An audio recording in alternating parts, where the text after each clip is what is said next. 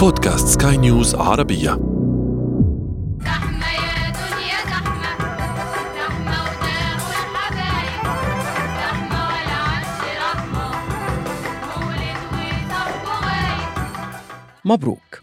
إذا كنت تستمع إلى هذه الحلقة في نوفمبر 2022 فأنت واحد من بين ثمانية مليارات شخص يعيشون على كوكب الأرض. زحمة يا دنيا زحمة.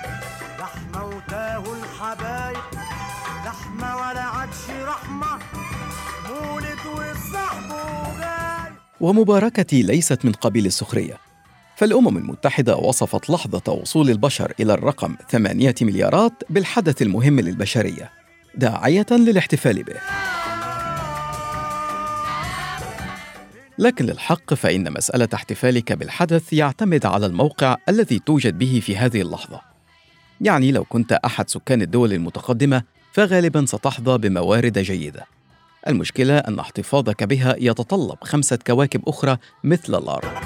أما إذا كنت أحد سكان الهند على سبيل المثال فغالبا لن تحظى بنفس جودة حياة الأمريكيين أو الأوروبيين لكن الخبر الجيد أنك لست بحاجة سوى ل 80% فقط من موارد الكوكب كل عام. هذا أنا عمرو جميل أحييكم وأنتم تستمعون إلى بودكاست بداية الحكاية. بداية الحكاية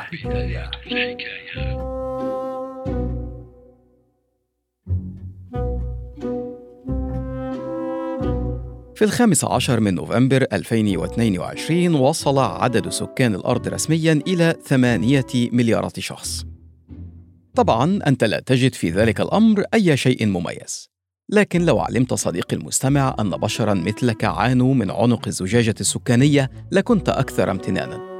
بحسب دراسة علمية نشرتها مجلة نيتشر فقد حدثت كارثة تعرف باسم كارثة بركان توبا في إندونيسيا قبل 74 ألف عام تقريبا. انفجر البركان بشكل مدمر. وغطى رماده مساحات شاسعة من الأرض. ثم انتشر غباره في الجو فمنع أشعة الشمس من الوصول. بالتبعية هلكت الحياة النباتية ثم الحيوانية ثم البشر. ولم ينجو منهم بحسب الدراسات سوى 15 ألف شخص فقط. تخيل أن تكون واحدا من بين 15 ألف شخص فقط على الكوكب بأكمله وأنه سيكون عليك حينها البحث عن شريك حياة للبقاء معه واستمرار النوع. طبعا الدراسات السابقة هي دراسات افتراضية يعني لا يمكن الجزم بدقة بعدد البشر في ذلك الوقت. لذا سنترك هذا العصر السحيق ونعود إلى حاضرنا الجميل ذي الثمانية مليارات.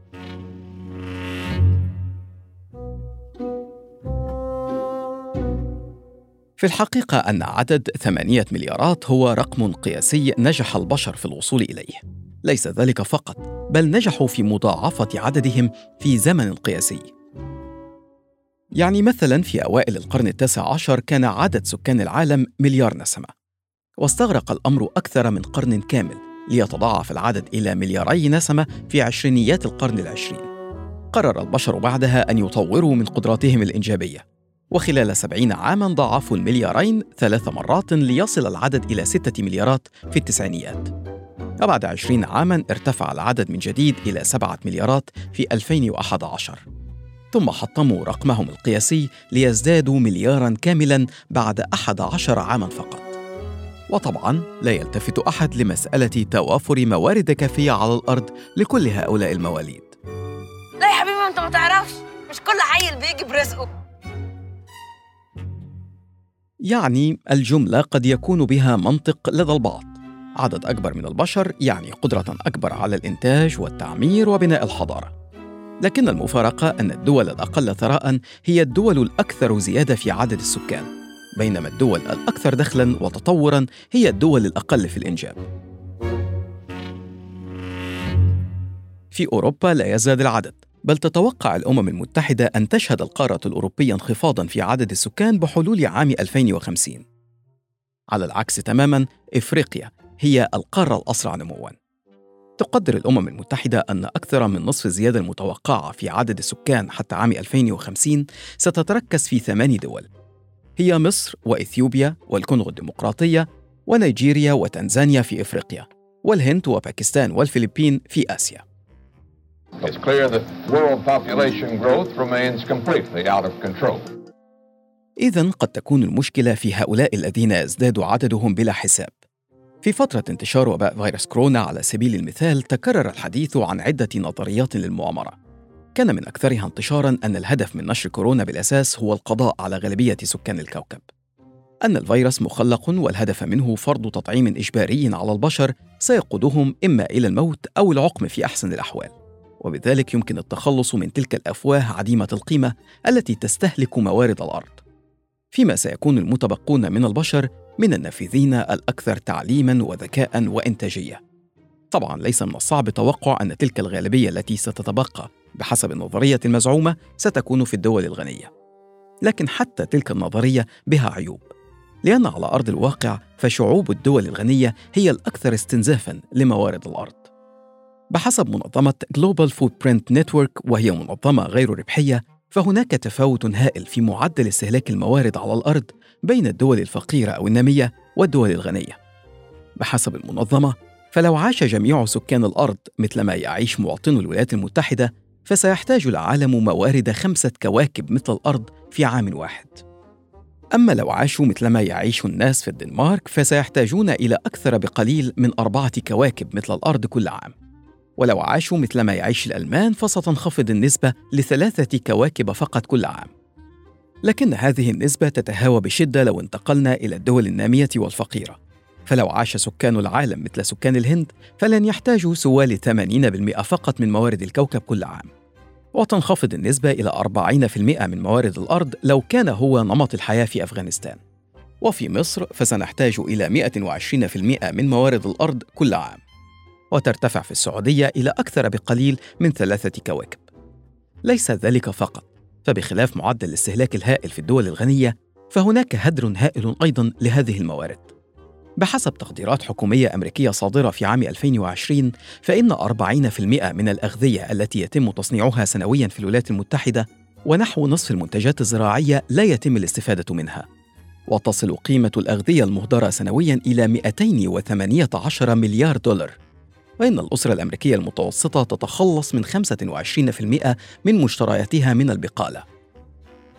وينطبق نفس الأمر فيما يخص هدر الطعام على دول عديدة ولكن بنسب مختلفة.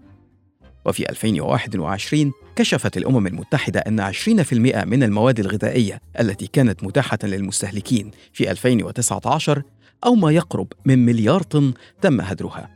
وأنه لو تم تعبئة جميع المواد المهدرة في شاحنات سعتها تبلغ 40 طنا اصطفت خلف بعضها لدارت حول الأرض سبع مرات المؤسف أنه في نفس الوقت فإن نحو 700 مليون شخص في العالم يعانون من الجوع كل يوم بحسب تقديرات الأمم المتحدة.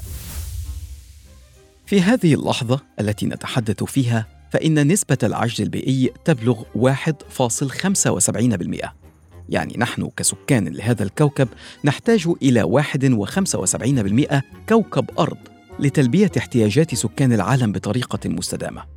هذا فيما يتعلق بالموارد فقط، بخلاف موضوع الاحتباس الحراري وارتفاع درجة حرارة الأرض الذي تناولناه في حلقة سابقة. وسواء كان عدد البشر كبيرا أم لا، فإن المليارات الثمانية من البشر موجودون بالفعل، وسيستمر عددهم في النمو حيث تتوقع الأمم المتحدة أن يبلغ العدد تسعة مليارات وسبعمائة مليون نسمة في عام 2050 ربما يكون ذلك مدعاة حقيقية للاحتفال لو نجح البشر في إدارة توزيع عادل للموارد وحد الهدر المهول في الطعام وتحويل تلك الطاقة البشرية إلى طاقة تعمير. لكنه قد يكون أيضا كارثة تقتل ملايين البشر ببطء بسبب عدم حصولهم على موارد يتم هدرها كل عام في صناديق القمامة. بداية الحكاية.